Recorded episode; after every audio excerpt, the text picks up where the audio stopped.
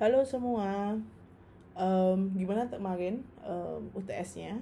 Bisa lah ya, nilainya ya beberapa ada yang bagus, um, beberapa masih perlu di uh, per, uh, apa ya diperbaiki lagi.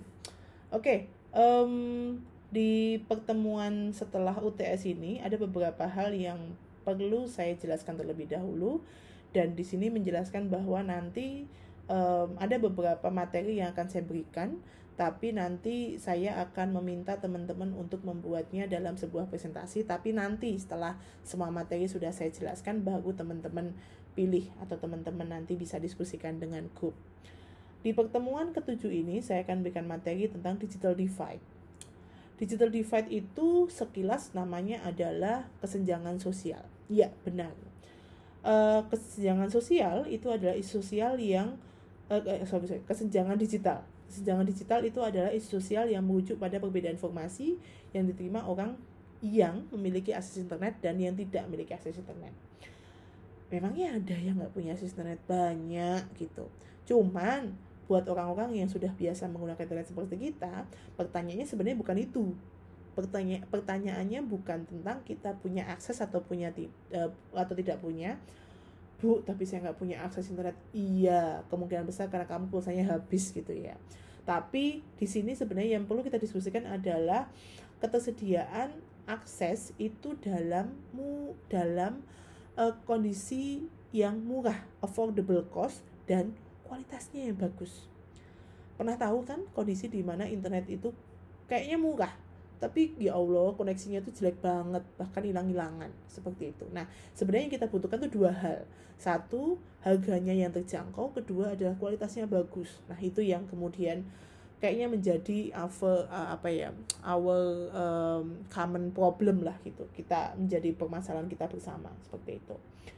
Um, sebenarnya kalau ngomong digital divide di sini juga akan membicarakan mengenai penetrasi internet. Penetrasi internet itu seperti apa? Ya kayak kita. Kalau kita sudah menggunakan internet berarti kita sudah terpenetrasi.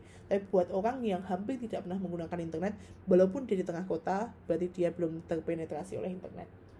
Berikutnya adalah kecepatan koneksi internet. Nah ini penting sekali. Kelihatannya um, saya nggak tahu ya. Cuman uh, saya kalau yang belum pernah merasakan internet cepat kayaknya ngerasa bahwa kayaknya nggak penting deh tapi kalau yang udah pernah ngerasa internet cepet itu kayaknya baru akan ngerasa.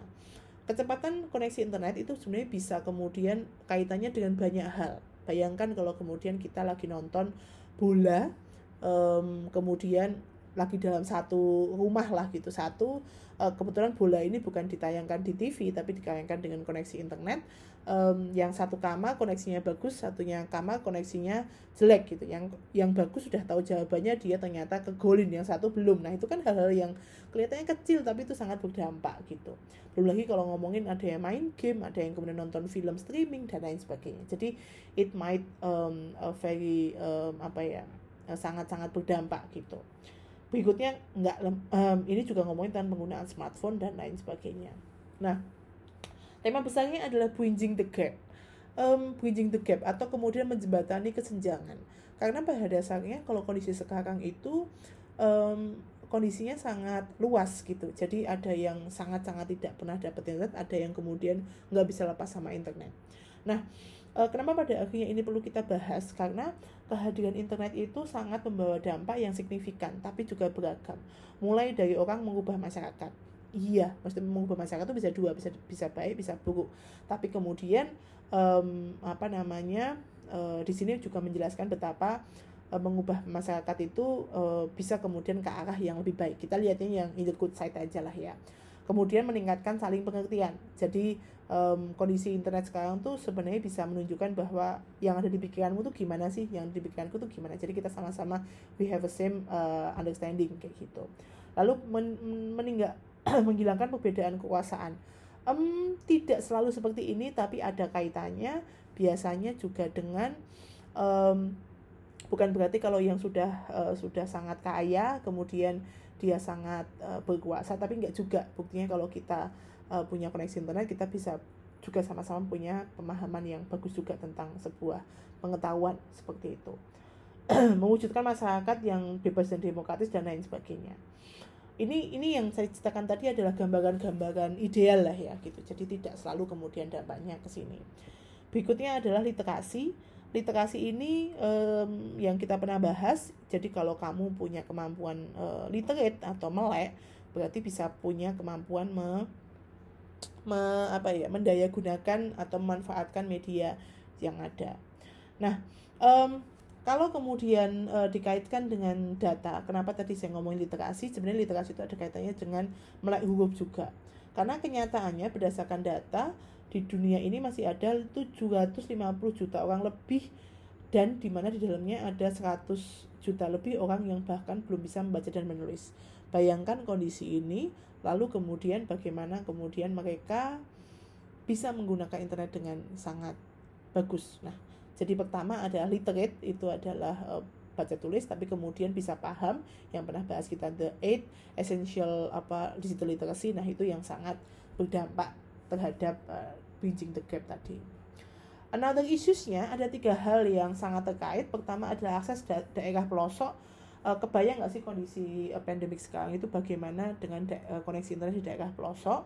Lalu kemudian disabilities, disabilities di sini lebih kepada orang yang tidak bisa menggunakan um, apa ya panca inderanya terutama mata untuk melihat uh, melihat uh, melihat uh, handphone dan lain sebagainya um, beberapa aplikasi sudah men, sudah membantu tapi um, ya kita harus tahu bahwa ada kondisi ini juga dan yang ketiga adalah keterbatasan dan kebebasan um, mungkin kalau yang sering kita bahas tentang beberapa negara yang sangat terbatas untuk membahas mengenai koneksi internet. Contohnya adalah Korea Utara atau bahkan kemudian di bayangan kita kebebasan is all about negara-negara di Amerika atau di Eropa. Nah, itu yang kemudian um, saya tidak mengatakan ini bagus dan uh, mana yang tidak bagus, tapi kemudian ada isu tentang betapa ada sebuah wilayah yang sangat tidak bisa dimasukkan dimasuki internet, ada yang bahkan sangat bebas dalam uh, mengakses internet. Um, kalau kemudian dibahas kaitannya dengan media uh, dengan uh, digital divide saat ini adalah dengan uh, ketika kita punya um, ketika ada kondisi covid saat ini di mana kemudian um, kita itu nggak bisa dikatakan lepas dari media online gitu. Tapi kenyataannya tidak. Kenyataannya uh, kenyataannya tidak semua hal um, kondisinya sama dengan kita. Contohnya ada 3,6 juta orang yang um, billion, billion itu mungkin 3,6 billion berarti miliar. Uh, eh, 3,6 miliar orang di dunia ini di tahun 2019 itu yang bahkan belum pernah atau tidak memiliki akses internet. Nah, itu yang kemudian perlu kita uh, diskusikan gitu. Bagaimana kemudian uh, uh, apa ya pemerataan itu bisa terjadi terutama dalam informasi, even ketika ada orang yang tidak memiliki koneksi internet. Padahal kondisinya tidak bisa kemudian sering bertemu karena adanya pandemik COVID saat ini. Nah, konsekuensi dari dunia uh, dari adanya digital divide. Sebelum kita bahas tentang konsekuensi, saya bahas tentang diskriminasi teknologi. Jadi, kita, ada kata-kata yang sebenarnya dekat antara digital divide itu adalah diskriminasi teknologi. Itu adalah bentuk kemiskinan baru dan kaitannya dengan pengucilan sosial yang melihat betapa uh, apa ya kita tahu bahwa ada ada negara yang secara koneksi internet sangat bagus uh, pasti kemudian bisa mendapatkan uh, privilege yang sangat besar salah satunya dengan um, apa ya uh, peningkatan uh, kalau sekarang gitu uh, bisa di bisa lebih cepat lah peningkatan ke apa ya um, pembangunannya.